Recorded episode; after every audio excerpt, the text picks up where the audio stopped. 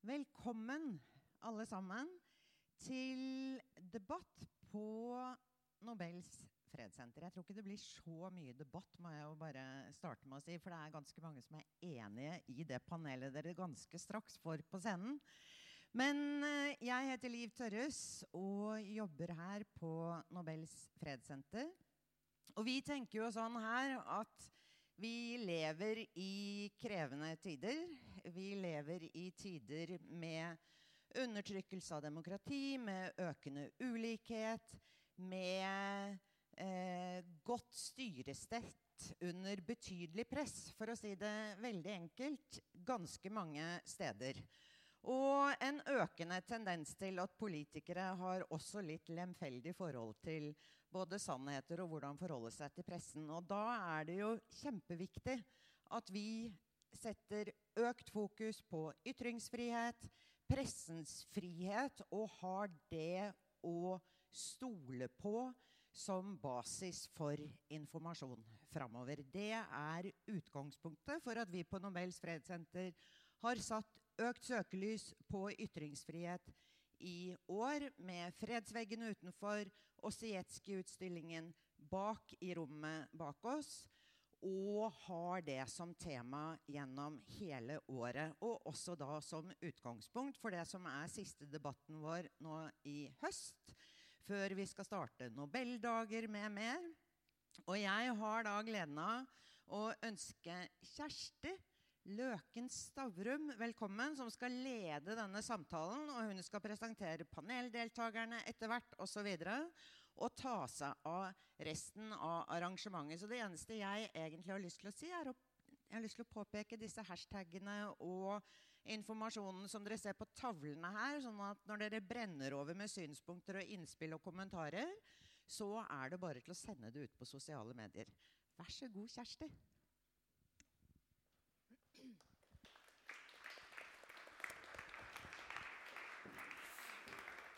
Velkommen til eh, debatt eller samtale. Um, og vi skal snakke selvfølgelig om pressefrihet og når pressefriheten blir begrensa. Men jeg tenker at noen ganger så virker det som denne pressefriheten er noe som lever litt på siden av samfunnet. Og det gjør den jo absolutt ikke. Pressefrihet eh, er et premiss for et velfungerende demokrati og er selvfølgelig helt avhengig av at man har tilgang på informasjon. Så Derfor så tenkte vi at vi skulle vise et veldig kort klipp på et par minutter fra eh, Kina eh, nylig, som BBC opplevde og la ut. Og det er noen av dere som kanskje allerede har sett det i sosiale medier denne uka. her, Men jeg syns det er det, som det heter på godt norsk 'hilarious'. Men dessverre også dypt, eh, dypt bekymringsfullt, den episoden som, som, BBCs korrespondent opplever når han skal intervjue en, en, kandidat som hadde lyst til å stille opp til valg. Da vi, snurrer vi film litt først. Så der ser man litt hvordan demokrati og pressefrihet henger i hop, eh, og hvor eh, rett og slett fysisk vanskelig det kan være å, å gjøre en jobb som journalist. Og, og, så kan man jo bare tenke etter hvilke konsekvenser det får for tilgang på informasjon i samfunnet. Men det kan eh, vårt veldig eminente panel si mer om. Og da skal jeg ønske velkommen opp Silje Rønningen Kampesæter, som er frilansjournalist og har jobbet mye i utlandet. Sigurd Falkenberg Mikkelsen, som har jobbet så mye i utlandet at NRK til slutt kalte deg Sigurd Falkenberg Midtøsten. Eh, og så er det Amal Wahab, som er utenriksjournalist i Klassekampen, og Elisabeth Eide, som er professor ved Institutt for journalistikk ved Høgskolen i Oslo. Og jeg må nesten begynne med å spørre litt åpent. Har noen av dere opplevd noe i nærheten av dette, som vi så? Silje? Um, ikke, ikke, ikke, i den samme grad som det han har opplevd, men uh, når jeg var i Sørøst-Tyrkia i mars, så de var jo uniformerte, men det kan jo sammenlignes til en viss grad. Da var vi inne i en by hvor eh, portforbudet akkurat ble blitt løfta, og vi gikk litt rundt i ruinene og prøvde å snakke med folk om, om de akkurat hadde kommet tilbake, eller om de hadde vært der hele veien, eller, og hva som hadde skjedd. da. Og da var det militæret, eller politiet faktisk, da, som, som fulgte etter oss. og sjekket papir, papirene våre veldig veldig mange ganger. Eh, så det startet først én gang, og det er naturlig. Vi hadde allerede stoppet på et par eller tre sjekkpunkter på vei inn til byen og vist fram nødvendig legitimasjon og ID, presse, ID og det som var. Og, så, og mens inne i byen så, så sier han ene eh, tolken min at eh, når vi er på vei inn i den delen som er mest ødelagt så sier han, så sier han at eh, Oi, de har sett oss. Eh, la oss gå litt fort, sånn at vi rekker å snakke med noen før de stopper oss. Så går vi inn, og så kommer de, og så begynner de å stoppe oss. Vi snakker med noen mennesker. De kommer, spør om papirer. Menneskene forsvinner. Eh, og så tar det kanskje sånn 10-15 minutter. ikke sant? De tar noen telefoner, og så Ja, det, det gjentar seg sånn kanskje fem-seks ganger. Siste gangen så måtte terrorenheten tilkalles, og da eh, ble vi på en måte klargjort. da. Eh, så neste gang så ble vi ble fortsatt stoppet en del ganger, men da tok det bare et par minutter da, før vi på en måte ble klarert. Men i mellomtiden så hadde jo folk blitt eh, kjemperedde. Så kildene våre som vi hadde begynt å intervjue, de var liksom ombestemt seg. De kom tilbake og sa du, eh, jeg har ikke så lyst til å si det der likevel. Jeg, kan, du, kan, du, stryke ut? Og de bildene du tok, kan, du forresten, kan vi droppe de?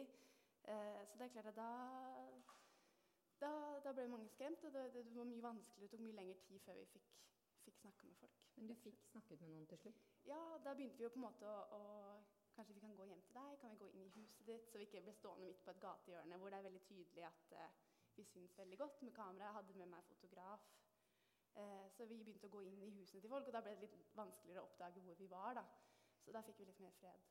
Men um, i vår tid så reiser jo journalistikken helt sømløst uh, på Internett. Du blir ikke redd for kildene dine selv da, jo. når du, under sånne omstendigheter? Kjemperedd og veldig forståelsesfull eh, når det gjelder å kanskje bare bruke fornavn eller ikke navn.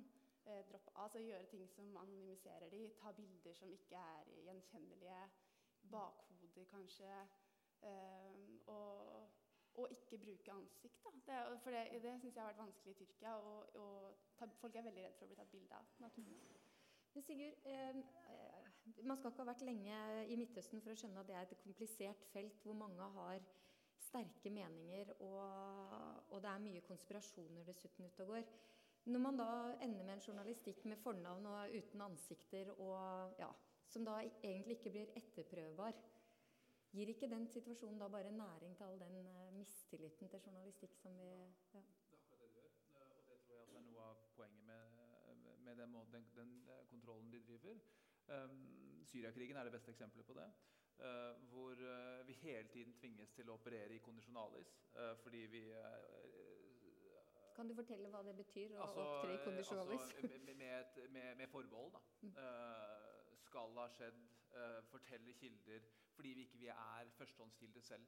fordi vi, ikke, vi, har ikke alltid truffet disse menneskene selv, og vi har ikke alltid truffet dem i en under omstendigheter hvor, hvor, vi føler at vi har helt kontroll på, på, det som skjer rundt. Og vi kan ikke helt kontrollere hvem de er, og hvem de snakker på vegne av.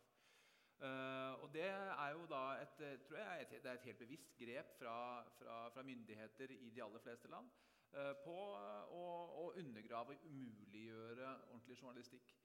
Så det er et, det, det, det er et, et kjempeproblem.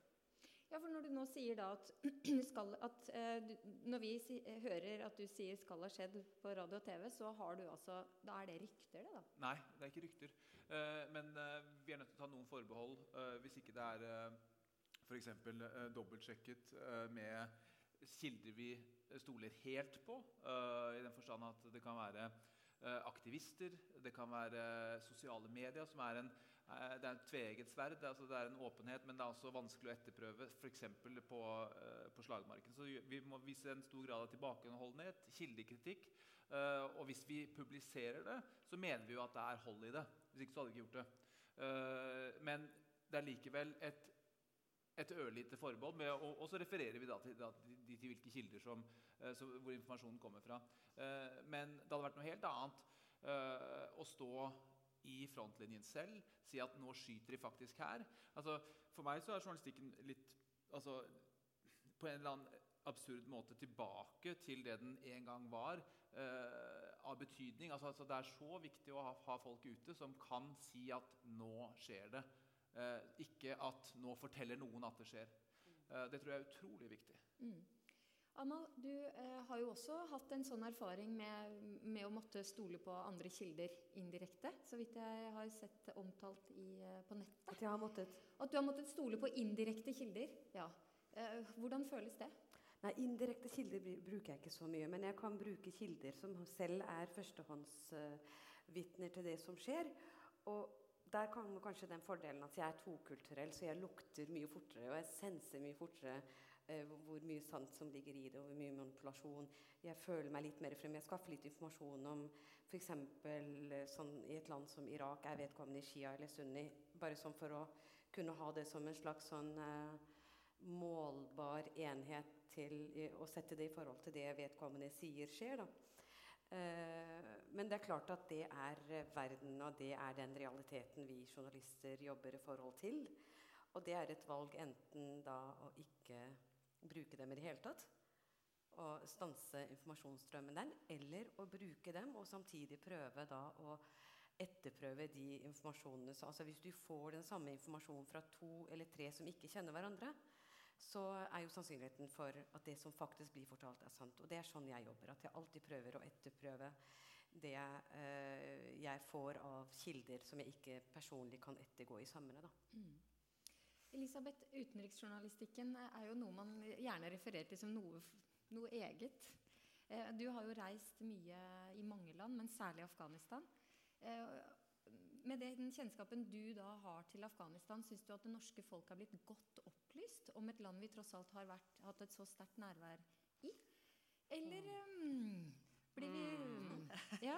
Jeg kan godt begynne med slutten. For uh, det det som er trist nå, er at det kommer jo en del påstander fra myndighetene om uh, hvor trygt det er å sende afghanere tilbake til Afghanistan. Og det er færre og færre journalister fra Norge eller fra Europa for den del som etterprøver de påstandene der. da. For det er jo ikke bare at vi skal være etterprøvbare selv, men vi skal også etterprøve våre myndigheter. Men jeg hadde lyst til å fortelle en, uh, altså Jeg regner meg fremdeles som journalist, selv om jeg jobber med å undervise andre journalister. og en av de første gangene jeg skulle reise til Afghanistan, så haiket jeg med noen venner med, med en sånn single cabin pickup, som det heter. Og satt der mellom to unge menn inne i denne single cabin pickupen. Og dette var under Taliban. Det var i 1997. Og vi dro landeveien inn til Kabul. Og det første som skjedde, var jo at vi omtrent ble stoppet fra å komme videre fra Dalalabad fordi at jeg satt som kvinne mellom to menn. Selv om jeg på min sånn broken Persian prøvde å fortelle dem at jeg var gammel nok til å være moren deres allerede da. Så hjalp ikke det så mye. Og så kommer vi inn til Kabul, og jeg hadde tenkt å finne universitetsrektoren, som visstnok holdt stand fremdeles, hadde jeg hørt. Og jeg kunne jo ikke dra til universitetet, for der aksepterte de bare menn. ikke sant? Så Det er mange slags hinder man kan møtes, og noen av dem er jo sånn strengt segregerte. Etter Talibans fall så har jeg følt det som en fordel å være kvinne, for da kommer du inn steder hvor menn ikke kommer inn. Men den gangen var det en opplagt uh, handikap, og jeg måtte sende en 20-årig assistent inn som da ble veldig henrykt. Og 'Jeg skal bli journalist', og han har kommet tilbake. Men altså, en... Uh, annen veldig kort uh, historie da jeg var med studenter i Mauritania. Der hadde ikke journalister adgang til å intervjue sine egne myndigheter. De kunne ikke intervjue ministre, ikke statsminister. Men oss ville de gjerne møte. da. Altså, ministeren uh, inviterte oss inn. Og vi ga da til våre venner, de opposisjonelle journalistene, alt vi hadde av sånn kopier og teiper da vi reiste, så kunne de publisere dem. Altså, det er jo da et eksempel på hvordan journalistisk solidaritet kan være med på å overkomme en del uh, hindre, og det tror jeg er ganske viktig. Tyrkia er jo det landet vi nå for tiden snakker mest om når det kommer til bekymring for, for pressefriheten. Og Silje, du, eh, du, var jo så vidt innom. Ja. Men eh, det ble et veldig kort opphold. Kan ikke du fortelle hvordan du, eh, ja, ja. hvilken erfaring du har med pressefriheten i Tyrkia?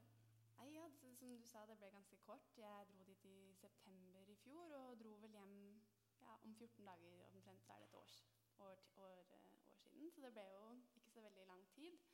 Eh, og i Tyrkia så må man søke pressekort. Det gjorde jeg. Og så får man beskjed om at man kan selvfølgelig jobbe selv om. Eh, det er vanskelig å få tak i myndighetspersoner og, og, den slags, men du kan jo snakke med mennesker. Og, og så var problemet at jeg hadde et enveisvisum. Så jeg hadde mye tid å tilbringe i Tyrkia fram til, fram til eh, pressekort og multivisum uh, var på plass.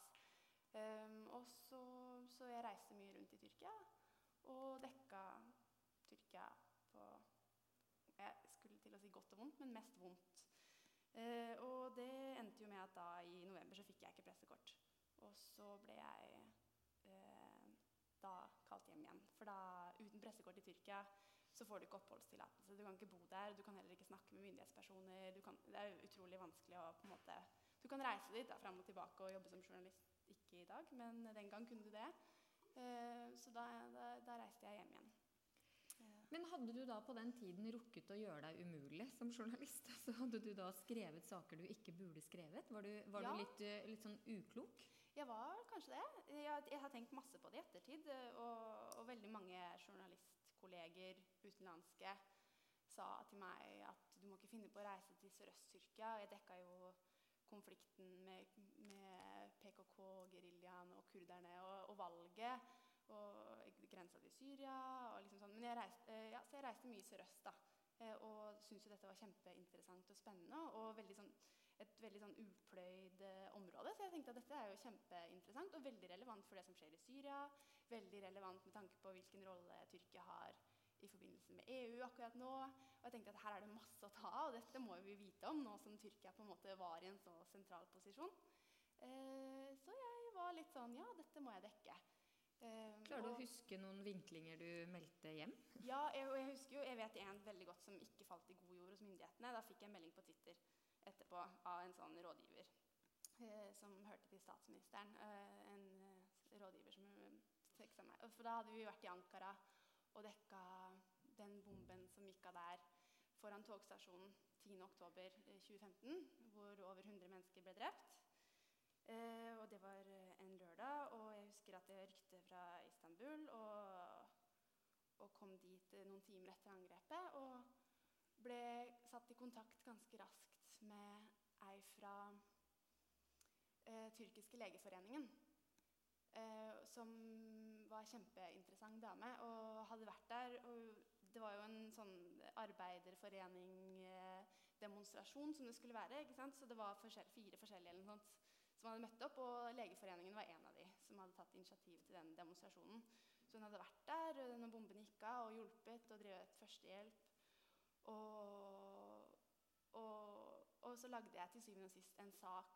Det var ikke den første saken. Det var Etter første dagen så var det jo å rapportere hva vi så og det som var. Men neste dag så møtte jeg henne da de skulle legge ned blomster eh, på stedet. Men da fikk de ikke legge ned blomster. Det har blitt sperret av. Og det begynte å bli ganske opphissa stemning, fordi folk ville jo legge ned blomster for sine kjære.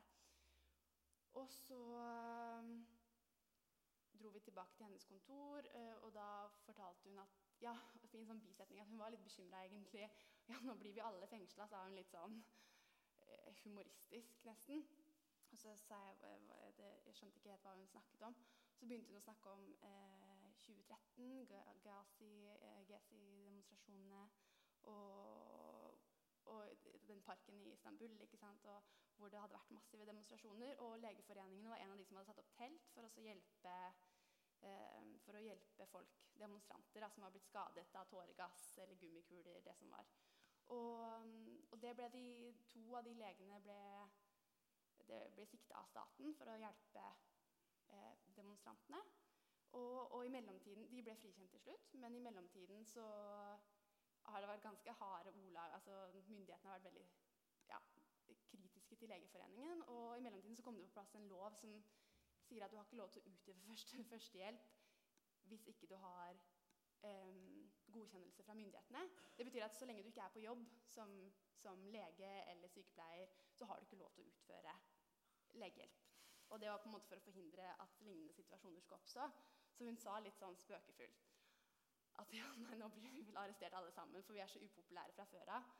Eh, og så snakket jeg med en ekspert som sier at det er høyst usannsynlig at dette skjer nå. For det er en såpass stor sak, og det er på en måte ikke, det demonstrasjon. det her, altså, ja. Eh, som på en måte kontra litt de påstandene hun kom med. Men det var jo også en fin anledning til å ta opp denne loven, som jeg tenkte var i alle dager. I de fleste land jeg kjenner, så er det motsatt.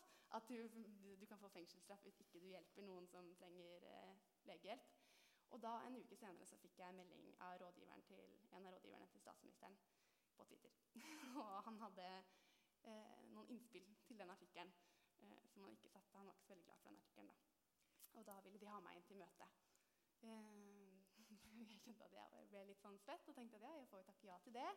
Eh, og dro og møtte de, og de var kjempehyggelige, høflige, høflige menn, de altså. Eh, som, som sa at hvis jeg noen gang trengte noe informasjon igjen, så måtte jeg bare kontakte de. Det var, eh, det var kjempefint, det. Så sa jeg det, det er supert, fordi jeg sliter litt med å få tilgang på myndighetspersoner uten dette pressekortet mitt, sa jeg.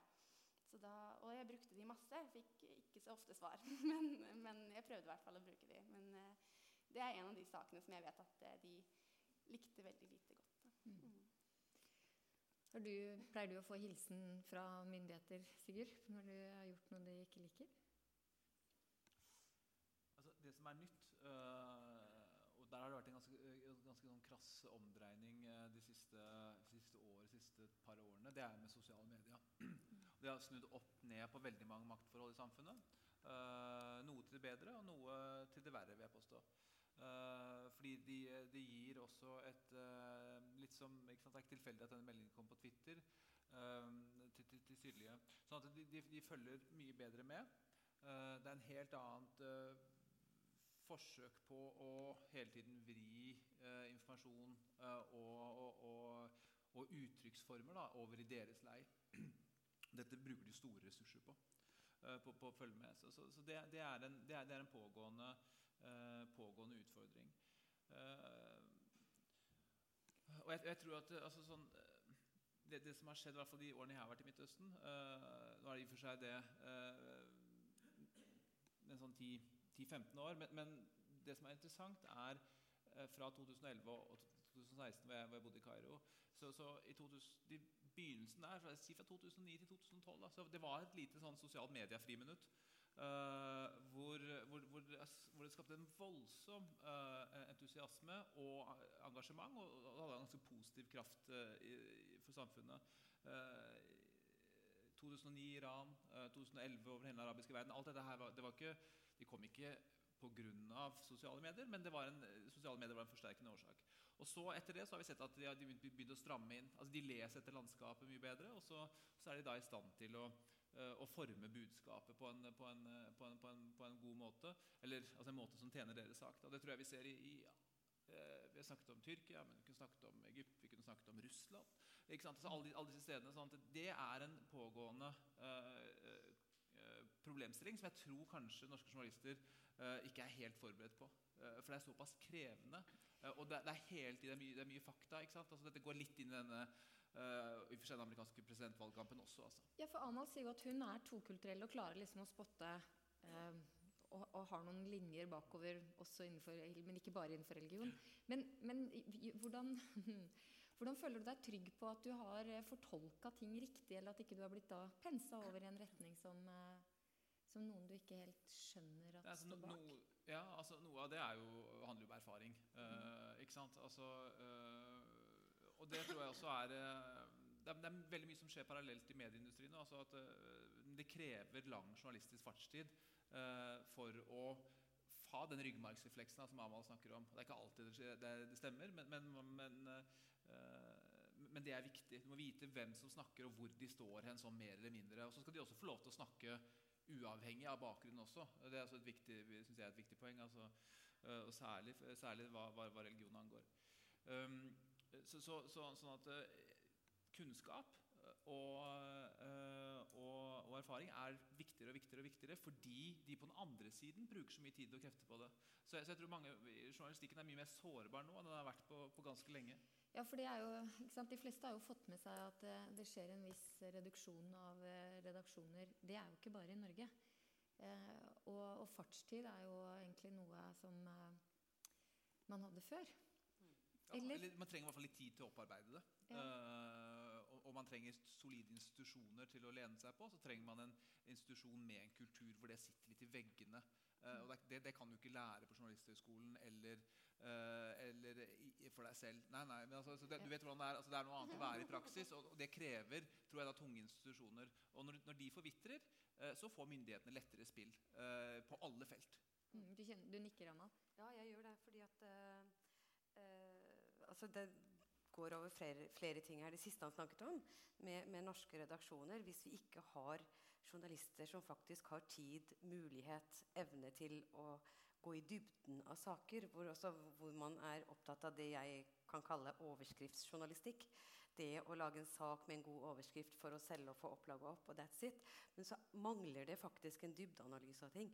Ikke, det, den biten er ganske farlig, for vi har hatt flere midlertidige ansettelser. Eh, store medieinstitusjoner har kuttet kraftig ned på antall stillinger. Så det gjør oss ganske sårbare i forhold til hvor, eh, hvor lett vi skal la oss føre av andre av de kreftene vi prøver å dekke. Da. Mm. Det er jo det som er en, en del av journalists integritet. Det er på en måte å ikke å føle og ha noen sensorer i forhold til at ok, han vil ha et intervju med meg fordi han ønsker at jeg skal være hans eller hennes talerør. Det er greit, godt, det er viktig det han kommer til å si, men da må jeg finne hvem er det som står imot han, og ha vedkommende med i samme sak. Uh, det andre uh, det her med uh, hvordan pressefriheten er i, i, andre land. Problemet i land som Tyrkia, i andre arabiske land i, altså Det her kinesiske eksempelet var jo helt uraffinert og helt ekstremt. kom, ja. men, men, problemet er at du har en eh, politisk ledelse i landet som ser pressen som en del av sine egne styringsverktøy. Det er jo det som liksom er det aller farligste med dette her. Og at man da skviser bort de delene som ikke nikker og sier 'bra gjort' og 'riktig politikk' og alt mulig sånt. Og så ender man opp med å få en situasjon der du har offisielle medier som i og for seg ikke gir deg tilgang til fullstendig informasjon. Sånn at du, du, myndighetene på en måte de, de, filtrerer nyhetene og disse avisene. Og så får du et enormt spenn for sosiale medier eh, til å da komme med helt rett og slett rykter som fort går over til å bli reelle nyheter. Og det er ganske farlig, for det den prosessen gjør, det er at man skaper en polarisering som bare blir verre og verre dag for dag. Fordi at ingen kan verifisere noe som helst. Så det gir i og for seg også større spillerom eh, til, til eh, rykter. Da. Når det gjelder denne, eh, det å, å, ha blitt innkalt eller ha fått eh, eh, signaler på at nå er du under, litt under oppsikt, så har jeg to konkrete eksempler. Og det skjedde faktisk under brorskapet, da brorskapet satt i Egypt. Og da kom jeg for første gang eh, skulle jeg hjem til Oslo gjennom passkontrollen. Egypt er et ganske stort land, så det bor akkurat nå 95 millioner mennesker. Det er litt viktig, husk det. 95 millioner mennesker. Og jeg skal gjennom passkontrollen, levere fra meg passet hvor Bonan tas opp en telefon, og så sier hun Amal Wahab ønsker å forlate landet. Skal vi slippe henne ut? jeg tenker, ok, Er jeg så viktig? Så dere kjenner meg eh, blant 95 millioner. Og det var liksom første gangen. Og der har jeg i og for seg vært litt av og på. Jeg vet ikke, jeg var det nå sist. I februar var jeg det ikke. Så det er, litt, det er tydelig at de følger veldig med. Eh, og et annet tilfelle var at jeg ble innkalt til Egypts ambassadør her med spørsmål om hva er det du skriver om Sissi? Hvordan kan du gjøre det? For jeg vet jo at alt jeg skriver, blir oversatt og sendt ned dit. Sånn at det er uh, mm. men, uh, men, hender det da at du uh, demper deg? At du skriver ting som du Eller at du ikke skriver ting som du kanskje nei, ellers nei, ville gjort? Nei, det kan jeg ikke tillate meg. Nei. Rett og slett. fordi at det vil gå på akkord med meg selv. Men jeg har lært meg et par knep. Ja. Det kan Nei, du kanskje altså, trenge. jeg, jeg, kan gi et, et, eksempel. og det er altså Helt i begynnelsen, 30. Eh, juni, med disse demonstrasjonene, så uh, var jeg litt avventende med å kalle det et militært kupp. For det var jo ikke det da. Okay, det var hæren som hadde avsatt en folkevalgt president. Men samtidig så var det ikke et kupp slik man hører om i Latin-Amerika. For det var millioner ute i gata som støttet avsettelsen av denne presidenten. da. Så jeg var veldig avventende. Og etter hvert sånn rundt 26. juli da skjønte jeg at ok, her begynner det å lukte litt. Eh, da Sisi ba om at folk skulle Sisi er Egypts president, altså forsvarssjefen som avsatte den islamistiske presidenten. Og da gatene da eh, 27, 26. juli så, gikk han ut i en eh, TV-tale og sa jeg trenger dere, at dere alle skal gå ut og demonstrere for å gi meg en fullmakt til å takle eventuelle eh, terroristiske problemer eller et, et, et, et, eller annet sånt. Jeg tenker Du ber ikke et folk om et uh, fullmakt ved gata, liksom. Eh, men, men, uh, men, da har jeg lært Selv om jeg i dag kan si at jo, det var nok et ganske planlagt kupp, så får man jo mene folkestøttet kupp, så bruker jeg faktisk ikke begrepet kupp. Fordi at militærkupp én ikke helt representerer det som skjedde. fordi at det var en Eventuelt så skulle det stått noe sånn velplanlagt, avansert, uh, new of a kind-kupp. Uh, så, så, jeg skriver da uh, Hæren avsatte Mursi etter store opprør. Eller hæren President Abdel Fattah Sisi ble, ble valgt som president etter at han som forsvarssjef avsatte landets første president. Det, det er en hel setning, men det er en stor forskjell. Sant? Så det, det, har vært min måte akkurat på den lille biten, fordi jeg er hyperallergiske mot alle som kaller det som skjedde, et direkte militært kupp. Men jeg sier det jo mm. journalistisk sett, uten å bruke selve begrepet. Bare veldig kort, eh, Ville du eh, opptrådt annerledes hvis du hadde bodd i Egypt? Så Om jeg ville? Opptrådt annerledes eller dekket ting annerledes hvis du hadde vært egyptisk, eller bodd i Egypt og vært en egyptisk journalist? Nei. Nei. Nei, så det, det gjør ingen forskjell og det, at du er og det skal, det skal, også sies at Egypt har faktisk ganske lange tradisjoner for god eh, journalistikk. Og, og, det var en periode hvor det var et eh, sånn derre hylekor for å Nå skal vi være litt forsiktige med det, det ordet. Har blitt litt stigmatisert Hylekor, ja, Ja, altså, det var en sånn heiagjeng for Sissi som var en sånn Sissi-feber. Eh, et par år. Men nå er Egypt, veldig mange egyptiske journalister der de var i utgangspunktet, som svært kritiske. Eh, og du hører mye mer eh, kritiske stemmer enn du har gjort da, de siste årene. Altså, men jeg ville aldri gjort noe annerledes. For jeg, sånn end of the line, nei, jeg må jo leve med meg selv. Ikke du heller, Sigurd? Ville ikke gjort noe annerledes? Nei, jeg tror ikke det. Uh, uh, men, men, jeg syns man skal være åpen for altså, selv om man har et, eh, et, eh, et, autoritært myndighetsapparat, så skal man også være lydhøre for, for deres ståsted. Mm. Altså, man trenger ikke nødvendigvis å, å gå i en sånn, si, barnslig kontrær posisjon heller. Men også skal man noen ganger slå ned og si at dette er faktisk, etter sånn, sånn, sånn jeg ser det, dette er virkeligheten. Mm. Og da må du bruke de ordene som, som, som, som du mener er dekkende.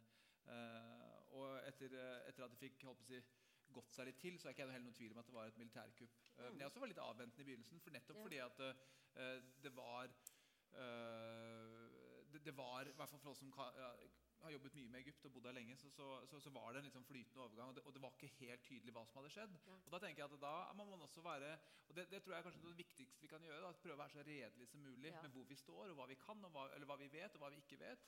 Uh, og, og, prøve å formidle det så godt som mulig. Men, men det jeg skal si som er viktig uh, med ytringsfriheten under press, og det som, det, det som, rammer delvis informasjon som kommer til oss, hvor det kan være hull i informasjonen, eller vi klarer ikke å danne oss et komplett bilde av hva som skjer i ethvert land. Men det som skjer i disse landene Egypt er et veldig godt eksempel som vi, i hvert fall vi to kjenner veldig godt. Mm. Uh, det er at informasjonsstrømmen korrumperes, på en måte, den forgiftes. Så du stoler ikke på noen ting. Uh, og det gjør at det er veldig veldig vanskelig å drive et ordentlig demokrati. Uh, når alt er mulig, ikke mulig, kanskje er det sant, kanskje er det ikke sant. Uh, og, det, det, og dette, er, dette, er, utrolig sårbare størrelser. og det, det, tror jeg ikke man tenker nok på i, i Norge, hvor, hvor egentlig hvor hvor lite som skal til da, før den mistilliten går over i Eller si, mediekritikken går over i noe mye større. Og da går det rett inn i demokratiets kjerne. Og jeg synes jeg ser tendenser til noe av den samme problematikken. Ikke pga. De, samme, de samme årsakene, men i Norge. hvor det er så mye press rundt hva er riktig, hva er galt. Uh, og Da havner du fort i en sånn situasjon hvor uh, well, you have my truth and I have, uh, you have your truth and I have my truth. Og så står du der, og det er veldig vanskelig å bygge et samfunn på. Jeg kan vel si at Den amerikanske valgkampen har brakt størrelsen postfaktuelt samfunn opp til et nytt nivå. Det må vi få lov å si. Men jeg har den det, eller er det rett og slett bare at den har kommet til USA også, mens dere har egentlig vært vant til jo, men altså, Den har kommet til et nytt nivå i og med at verdens største ja, ja. Jeg, jeg, synes det, jeg, jeg, må si at jeg følte at, eh, at min Midtøsten-bakgrunn ble veldig Ja, ikke sant? Ja. Jeg får lov å få ordet. Absolutt. Jeg, først har jeg bare lyst til å si til Journalisthøgskolen hva vi kan og ikke kan. Men det vi i hvert fall gjør, det er at vi sender studenter ut i tredje årskull og oppfordrer alle til å dra utenfor komfortsonen. Og Silje, du var vel et eller annet sted du også da du gikk der? Hvis ikke du har begynt å jobbe veldig mye? Mm, jeg var i BTM. Ja. Nettopp. Så vi prøver i alle fall å bygge den typen eh, kompetanse. Det er klart det blir en begynnende bygging, og resten skjer når de kommer ut, men det er viktig. Ja. Men eh, det andre jeg har lyst til å si noe om, det er jo altså, Vi eh, er jo en nasjon her som skal bidra til good governance i de landene hvor vi opererer. Og vi har brukt eh, milliarder av penger i Afghanistan på å bygge good governance. Og la oss se, Hva er pressesituasjonen der veldig kort? Hva er situasjonen for journalister? Jeg var der i mai, satt med kollegaer sammen. De forteller at flere hundre journalister sier de, kanskje litt overdrevet, forlot landet i fjor. Altså Det er en exodus. Og hvorfor er det det? Ikke fordi det ikke fremdeles er ganske mange medier, men det ble færre. Fordi at nå, alle de pengene man entusiastisk sprøytet inn til medier i begynnelsen, de begynner nå å eh, skrumpe inn. Og for det andre så er det slik at eh, det ble flere og flere trusler mot journalister. De har ikke så mange i fengsel, det har de ikke. Men det er en god grunn til det, og det er selvsensuren. Og hvordan skjer den? Jo da, En journalist for eksempel, drar ut i Kabul og skal dekke en event, og så kommer han ikke av gårde fordi det er så mye trafikkaos. Og trafikkaoset ofte for, eh, det kommer pga. at eh, notabiliteter reiser med store kortesjer og sperrer av gata lenge. Og amerikanske styrker jammer så du ikke kan drive med mobiltelefoni osv. Så hele den situasjonen der. Og så skriver han da om dette her trafikkbildet, eller melder om det i sin kanal. Og så får han vite en sånn ministerkoryfé. Altså, vi kaller det mediemeglere her hjemme. ikke sant? Nå stemmer det sånne trusselgutter som sier Hør her, du vet at jeg kan sette deg i fengsel i fire år. Ja vel, ok. Ja, Kanskje jeg ikke skal skrive det neste gang ikke sant? hvis jeg skal fortsette å overleve som journalist her. Så Det er, en, altså det er to hovedkilder til selvsensur, tror jeg. Den ene er det regulære trusler. Og det andre ting dere nevner, og så er det da overvåkningen. Sånn? Vi har ikke snakket om overvåkning her, men altså, sosiale medier vi setter jo spor etter oss overalt hvor vi var. Vi åpner de telefonene som dere sitter og noen av dere stirrer inn i nå. ikke sant? Alle vet hvor dere er henne. Tenk på det. Og alle vet hvor journalister er. ikke sant? Og alle vet hva de skriver på Twitter. Og noe av det registreres veldig veldig fort. Altså, Jeg er jo gammel nok til å huske telefonovervåking. Og etter såkalte 9-11, så vi som hadde hatt kontakt med Afghanistan i tiden opp mot det, vi ble telefonovervåket. Jeg fikk avspilt lydbånd på min telefon. altså Så primitivt den gangen. Så, så, det er jo andre sider ved dette her som eh, er felles egentlig for journalister, men som har ulike grader. da, Ganske ulike grader. Jeg tror det er viktig å være klar over. Mm. Jeg har dere alle på talerlista, bare sånn at dere er klar over det. Men Amal, eh, nei, ta, altså, gitt det Elisabeth sier med, med, overvåking, som jo også er en del av hele denne ytringsfriheten under press, eh, og selvsensur selvfølgelig, eh, er du Passer du godt nok på kildene? Å oh, ja. Ja. ja. Ingen sak er, er, er viktigere enn uh, at kildene Det er ofte sånn at kilder kan uh, I hvert fall uh, i kjølvannet av protestene på, eller opprøret på Tahrir-plassen, og også i 2012 og etter 2012 med mange islamister som da ikke hadde noe problem med å stå frem. Men det var jeg som sa at jeg foreslår at vi kaller det noe annet og at, du, eksempel, at, ikke, at vi ikke bruker bilde, eller at vi bruker et bilde som er tatt fra ryggen. Også, fordi at det ofte så kan det være sånn at når du snakker med folk som, har liksom, som, er aktivister og har et mål og gløder litt for et tema, så kan de veldig ofte selv glemme sin egen sikkerhet. Mm. Eh, og, og, det er litt viktig. Det, det syns jeg det, det, er en, det, er, det, er noe vi som journalister også er nødt til å ta å, å passe på. Men litt, eh, en bitte liten kommentar angående det her med, med, hvordan dekke og jobbe under diktatur. Altså, jeg er veldig opptatt av det, sånn som Sigurd sa her. Man skal dekke alles synspunkter. Og det jeg har opplevd eh, som jeg opplever noen ganger, det er at noen på et vis dekker og, og blir veldig subjektive i sin egen dekning i, når de skriver en nyhetssak. Altså Man kan gjerne være subjektiv i en kommentar.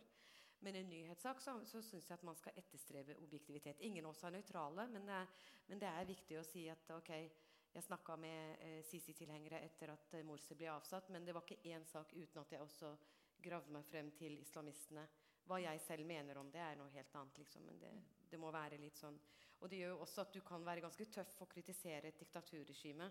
fordi at da har du deres synspunkter også med i saken, så de får det er ingen, ingen påstander som, som, bare blir eh, trygt uimotsagt. Da. Det blir en diskusjon. Tenker du på Al Jazeera? Ja. Al Jazeera under prosess. ja, det var, det var kampanjejournalistikk. Men Silje, du, måtte jo, du eh, kom deg jo hjem. Eh, og optimistisk så meldte du at nå skulle du dekke dette hjemmefra. Ja, jeg trodde at eh, jeg, skrev, jeg sa jo det når jeg dro, at jeg tenkte at det kom, jeg, nå hadde jeg vært i Tyrkia, og jeg skulle fortsette å dekke Tyrkia med samme styrke som jeg hadde gjort. Lite visste jeg at det kom til å bli kjempevanskelig. fordi veldig mange av de menneskene du møter Vi snakker om sikkerhet for kilder. Vi bruker mye krypterte apper. mange, Og jeg så etter kuppforsøket i Tyrkia i sommer, hvor plutselig mange av de jeg har kommunisert med via WhatsApp eller andre type bare meldinger plutselig så ja, De krypterte appene er sånn at når en ny kontakt på din kontaktliste melder seg opp på den tjenesten, så får du en melding. Og plutselig så bare ramla det inn med meldinger, og da hadde alle skaffet seg Signal og Telegram og you name it, og hva som var kryptert. da. Men, eh, men, det var et viktig verktøy for meg, fordi veldig mange har vært redde for å på en måte uttale seg. Og litt sånn også jeg, Og det er jo bare noe jeg tror og føler, men jeg mener jo at jeg ble veldig overvåka. Ikke bare digitalt, det er man jo vant med i Midtøsten og, og, ellers for øvrig. Men man tar på en måte det litt for gitt. Men den fysiske delen, eh, som jeg mener at jeg var utsatt for ganske mye i Tyrkia, og da blir du litt sånn etter hvert du, du, har ikke lyst til at folk skal kanskje alltid vite hvor du er. ikke sant? Eller hvis du skal møte noen. At du, du, du prøver på en måte å være litt sånn finurlig med tanke på hvordan du beveger deg. Og, og du avtaler ikke det på Facebook eller på e-post. Liksom. Da skriver du det på Signal og, og, avtaler et møtested, og så prøver du å liksom gå omveier. Det er skikkelig film. Jeg ble helt overraska over hvor eh, Men sånn var det. Og, og da, det var kjempeviktig for min del. Men du, eh, du, nevnte sånn etter kuppet. Men, eh, ja. men, så skjedde det da et kuppforsøk i Tyrkia. Ja. Men du dro ikke til Tyrkia? Nei, mine redaktører spurte om jeg kunne reise. Og jeg, det var på kvelden den fre en fredag. Og jeg, og jeg, Silje, jeg tror det er et kuppforsøk. Og jeg, vi satt på telefon, og, liksom, og vi, jeg bidro fra Jordan. Og så, og så var det litt sånn ja, ja, jeg skal reise og, og kjøpte meg visum, e-visum, som man gjør på, til Tyrkia, og pakka sekken, som på en måte står litt sånn halvklar alltid. Og så begynte jeg å tenke liksom at uh, For de som ikke vet det, så når jeg ble kastet ut av Tyrkia, så var beskjedene Det var veldig uklart. Jeg fikk ikke noe skriftlig avslag på pressekort. Og, og jeg ble ikke kasta ut. Jeg, jo, jeg, fikk beskjed om at jeg ikke får jobbe, og måtte reise rett og slett fordi det er for vanskelig å jobbe der. Men ikke noe beskjed om at jeg har innreiseforbud. eller, altså, i, i praksis, Og jeg har vært tilbake. Først med Børge Brende og så et par andre turer. Og Knirkefritt har det ikke gått, men det har gått, da, og med litt sånn ja, godvilje. Eh, men da så sa jeg neste morgen når vi skulle ta en ny vurdering på om vi skulle reise For flyplassen var jo stengt, det var bare den lille som var åpen. Så, så sa jeg til slutt nei. Og for da hadde jeg snakka med litt forskjellige venner og litt forskjellige kilder. Og så hadde jeg bestemt meg for at eh, jeg har en skikkelig dårlig magefølelse på reise. Og, og, det har jeg ikke hatt tidligere. Så det var en sånn skikkelig sånn uggen. Og den ene grunnen var at eh, når vi i Aftenposten da eh, reiste hjem og i februar offentliggjorde hvorfor, så ble jo det en stor sak. Og alle tyrkiske, store tyrkiske medier skrev om det. Eh, de, eh, Kanskje vi kan få se det? fordi det har vi eh, noen eksempler på. Hvordan det ser ut når eh, Tyrkia dekker Silje ja, Kampesæter som sendes ut. Mm. Turkey. Og, det, og, det, var på en måte i alle og Det bildet sirkulerte liksom rundt. da, mm. Samme bildetype i forskjellige varianter. Så jeg tenkte litt sånn Skal jeg reise til Tyrkia nå, og så er det utrolig mange sinte folk på begge sider. Og, og jeg vet av min dekning av Tyrkia at det er veldig mange som ikke liker meg. Eh, for de mener jeg har hatt en for ensidig fremstilling av Tyrkia. Ikke for mye, altså Jeg har ikke sagt mye positivt om Tyrkia. Um, og som mener at jeg da uh, er altså anti-Tyrkia. Anti uh, så, så, tenkte jeg oi, nå er det mange sinte. Og du så på en måte bildene begynte å rulle inn av hva som skjedde med de som hadde gjennomført kuppforsøket. Som hadde på en måte blitt uh, nærmest lynsja av mobber etterpå. Ja, sinte tyr tyrkere, nasjonalister. Og alle, egentlig. Altså, det var bare en sånn stemning, sånn utrolig aggressiv stemning. Og jeg tenkte at hvis noen mot formodning altså, med frykt for å overdrive min egen rolle noe vanvittig, men skulle kjenne meg igjen, og det oppstår en sånn hissig situasjon, så tenkte jeg at det kan være litt kjipt. Eh, og da er det ikke lett å komme seg ut. Det var den ene siden. Og den andre grunnen det var at eh, Jeg vet fortsatt ikke helt, altså De har skifta grunn så mange ganger. Ja, på, sin, på ambassaden sine sider så skriver de fordi jeg er en uegnet journalist. Det er det, de har skrevet. det er det eneste skriftlige jeg noen gang har sett. At jeg er uegnet journalist. Det, var, det, er ikke alle som har det sort på hvitt. Nei. ikke alle som kan skryte av det. Og så, men så har jo min redaktør i møte med ambassaden fått liksom, det handla om min forlovede, som er øh, Han er født og oppvokst i Tyskland, men han er kurder fra Tyrkia. Eh, og, og det, så han har kommet opp. Eh, og så er det, det er klart at etter, etter at jeg ble kasta ut, eller etter at jeg dro, så er det mange andre journalister som har forsvunnet òg. Så det, mm. da så det var det verste å kjenne på egentlig at åh, gud, Folk var litt sånn Å, hun har sikkert gjort noe gærent, liksom. Det er noe, det, og det er sikkert han forloveden hennes. Eller det er sikkert, altså, den følelsen av at folk tenkte at det, det, For det var jo ingen andre som har blitt kasta ut. Det var, det, var, jo bare meg. Og, men så begynte det å komme flere, og liksom, det er helt forferdelig. Men for min del så var det nesten litt sånn trøst. Gud, nå er jeg ikke den eneste internasjonale journalisten som ikke får lov til å operere i, i Tyrkia lenger. Og da var det litt sånn åh, Men den andre grunnen var da at jeg, siden jeg ikke visste, så tenkte jeg de anser meg kanskje som lojal for, mot PKK, eller Gulen, for den saks skyld. Ikke vet jeg.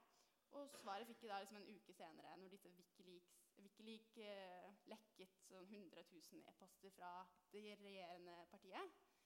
Eh, og det sto ikke sånn kjempemye substansielt i de e-postene, men det er en ting, altså de bare linka til For der var du. Du dukket opp i Wikileaks. I en av de e-postene så så sto det sånn tittel sånn PKK slash Gulen-journalister. og den lista hadde jeg havna på. Så da tenkte jeg takk og lov for at jeg ikke reiste. Hvis jeg, liksom, du vet ikke om det var PKK eller Gulen, men populær var jeg garantert ikke uansett. Mm. Så kjempeglad for at jeg ikke reiste. Vi sendte en veldig erfaren reporter istedenfor, og som jeg kunne heller bare kommunisere med hele veien. Mm. Men eh, det var ja, kjempevanskelig. Vi har litt tid til spørsmål hvis noen ønsker å komme med det. Men, eh, men Sigurd um, um, du, jo, du, jobber jo i en, et stort mediehus, det største by far i Norge. Eh, dere har jo et stort ansvar for ikke å sende ut feilinformasjon. Eh, og nå ble vi veldig fort enige om at eh, fake news, som USA nå har erfart, det har dere lang erfaring med, egentlig. Manipulering og, eh, og fabrikkering. Hvordan, eh, hvordan, jobber dere? Kan du, kan du, forklare oss hvordan dere jobber for å sikre at ikke dere blir lurt, og derfor også lurer oss andre? Ja, ikke sant? Altså, det, det hviler et veldig stort ansvar eh, på alle journalister, men, men, med, men, men særlig på, på, på oss. og Selvfølgelig. Og det er en mer og mer krevende situasjon. Det tror jeg skal erkjenne. Nå kan ikke tale på vegne av hele NRK, jeg sitter her som, som journalist, tross alt. Men, men uansett. Uh, det, det, man ser, er at ting går fortere. det er en vi vil kalle det en sånn pseudo-åpenhet i samfunnet for tiden, som er, som er knyttet opp mot sosiale medier. Man vet liksom hva som foregår, men så vet man egentlig ikke så veldig mye. Veldig farlig sånn gråsone å bevege seg inn i. kombinert da med et hurtighetskrav. Eh, innenfor journalistikken. Eh, og Det er klart at eh, det er fryktelig krevende. Så, så, det handler om å, om, å, om å, ha den journalistiske ryggmargen hele tiden. Hele tiden. fordi at feil oppstår, og det skjer. Altså, men, men man må hele tiden prøve å stille seg de der kildekritiske spørsmålene. gang på gang på gang. Og så tror jeg også vi skal erkjenne at vi, vi holder på å bevege oss inn, inn i en ny tid Uh, informasjonsmessig, informasjonsstrømmer. eh, alt dette her er, Vi har ikke oversikt over det. Vi kan ikke algoritmen til Facebook. Eh, vi har ikke oversikt, og vi kan bruke så mye liksom-krypterte apper. Sjansen for at det sitter noen innenfor enten i, i Moskva eller i USA som har koden til disse, vil jeg anta er til stede. Altså, det kan vi aldri vite. Så, sånn at, jeg tror vi skal erkjenne at vi er i en underdog-situasjon uansett om vi er uh, et stort mediehus i Norge eller ikke. Uh, men til, til, til, det uh, Silje sier om, om, undertrykking og, og, og, myndighetsapparat hvor man ikke har helt oversikt altså, Det er noe som man trenger ikke å være uh, en ny frilansjournalist for å oppleve det trykket. Altså, det, det, det, gjør jo alle på en eller annen måte. Uh, Eh, det, det, tror jeg er viktig for pressejournalister uh, rundt om i verden, presseorganisasjoner, myndighetsapparater, er at man er prinsipielle. For det vil alltid finnes, litt som Silje sier, da, en sånn en vikarierende motiv. Det kan være det ene, det kan være det andre. Ta Al Jazeera-saken i Egypt. Uh, altså, den er på én måte spesiell, fordi Jazeera spiller en så, så, så, så polariserende rolle i Midtøsten. Eh, men hvis du begynner å kompromisse som journalist da, eller som presseorganisasjon på de tingene, eh, så har du et problem, fordi da, går, altså, da får du en sånn dominoeffekt av det. Så jeg tror man må, må være prinsipiell, selv om man ikke nødvendigvis er enig i all journalistikken som utføres av den grunn. Det tror jeg er utrolig viktig, nettopp også for ikke at man skal ende opp med en sånn skyldfølelse da, som du gjør, som er, som er helt uhørt. Men det er vel også fordi man, liksom, du føler at du får ikke rensa deg fra en mistanke som, som er blitt kastet på deg. Er det, ja, vil jeg bare skanne hvis det er noen av dere som har noen spørsmål, eller ja? Nei? Jeg har rett Sigurd. Ja. Ja, altså, vi, vi begynte jo litt med dette å etterprøve myndighetene. Så tenkte jeg på f.eks. Afghanistan, men også andre steder. Har dere nå dette populære ordet, har dere nå no go zones for reportere som kanskje er litt strengere enn andre nyhetsinstitusjoner, og som gjør at dere blir mer avhengig av uh, lokale reportere? For det er jo også et hierarki ute i eh, den vanskelige delen av verden mellom lokale reportere, ofte kalt eh, stringere, men også kalt fiksere, av og til berettiget, av og til helt uberettiget, og de som kommer inn eh, ja, fallskjermaktig eller mer med stor bagasje. Så det, det ene spørsmålet. Det andre jeg har lyst til å si, er jo her hjemme. da Du snakker om pseudoåpenheten som vi opplever overalt. Jeg har jo drevet et forskningsprosjekt og sett på dekningen av Snowden-saken gjennom godt over et år i norsk presse. Og det som jeg finner der, det er at politikerne er tause. altså. Det er ikke det at pressen ikke forsøker, og på lederplass så blir politikerne angrepet for sin taushet. Men det hjelper ikke. Altså der, der, dette er jo et internasjonalt fenomen, den overvåkningen som Snowden avdekket. Men altså norske politikere vil ikke snakke om det, med noen små hederlige unntak. Og det det er jo et demokratisk problem. Og det fins overalt i verden. Vi, vi kan godt snakke litt om oss selv også. Ja, vi, ja, og det er, jo en, det er jo hele bakteppet her er jo at Norge henger jo dog sammen med resten av verden. Og Ja. hvordan blir, vi, blir vår ytringsfrihet påvirket av dette, Anna? Blir vår ytringsfrihet også påvirket av de litt semre tilstandene i andre land?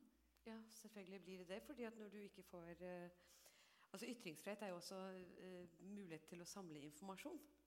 Og hvis den informasjonen du får, ikke er korrekt eller er mangelfull For det er det som er saken. Det, det var noen her som snakka om jeg vet ikke om det var du eller om Sigurd, det her med falske nyheter eller ukorrekte nyheter. Det er ofte ikke snakk om det. Det er ofte snakk om at du får en del. Du får aldri hele bildet.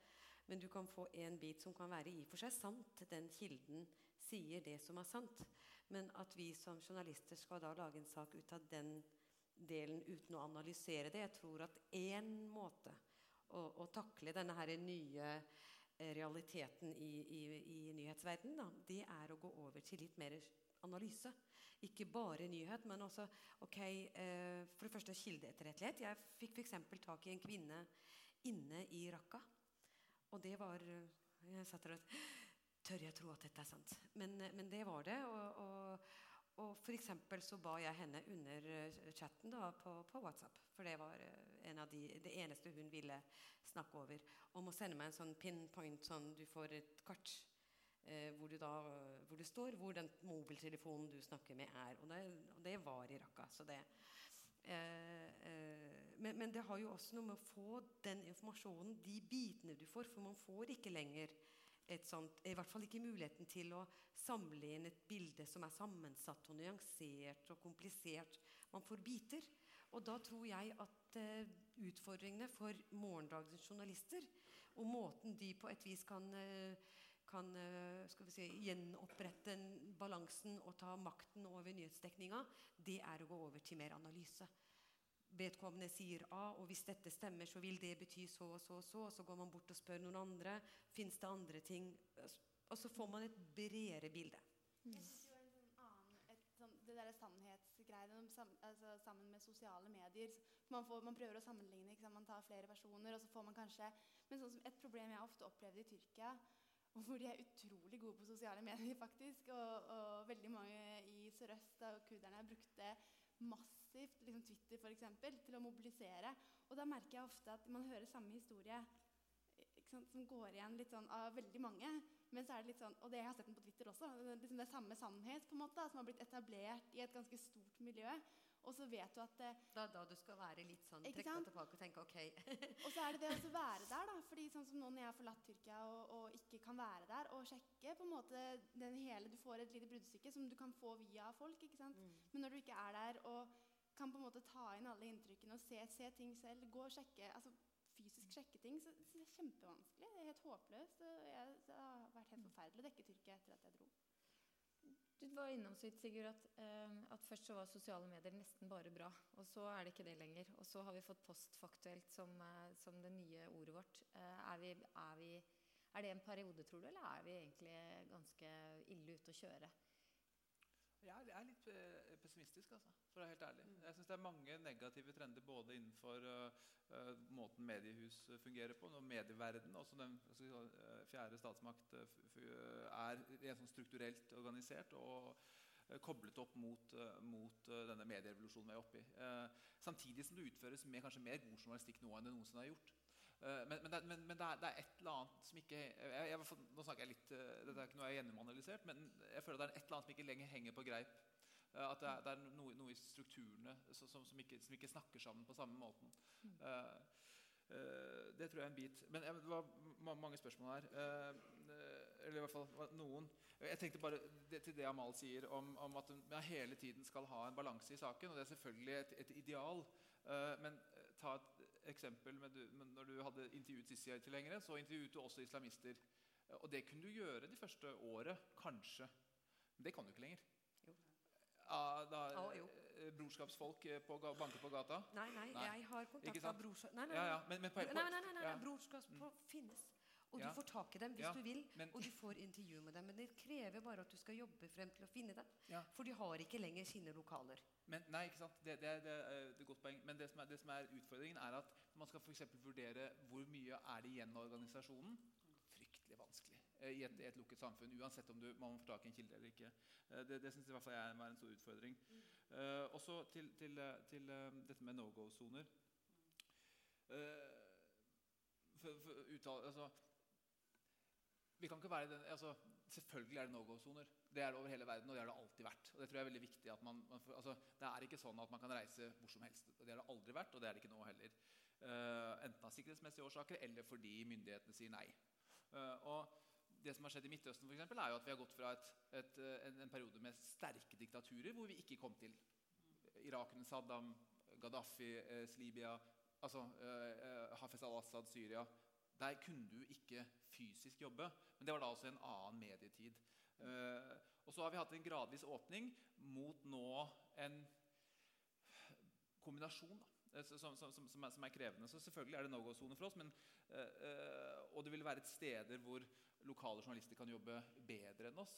Uh, men jeg vil i hvert fall aldri føle meg komfortabel med å utsette uh, lokale journalister for større, uh, større, risiko enn det jeg ville tatt for meg selv. Ja, for Det er jo det er egentlig nei, nei, nei, en egen diskusjon. ikke sant? At man kjøper ting som man ikke selv har lyst til å utsette seg for å skaffe til veie. Men jeg tror vi må, jeg ser at klokken har gått altfor fort til syv. Det er mye mer vi skulle ha snakka om. Ikke minst skulle vi ha snakka om hva kan vi gjøre med dette.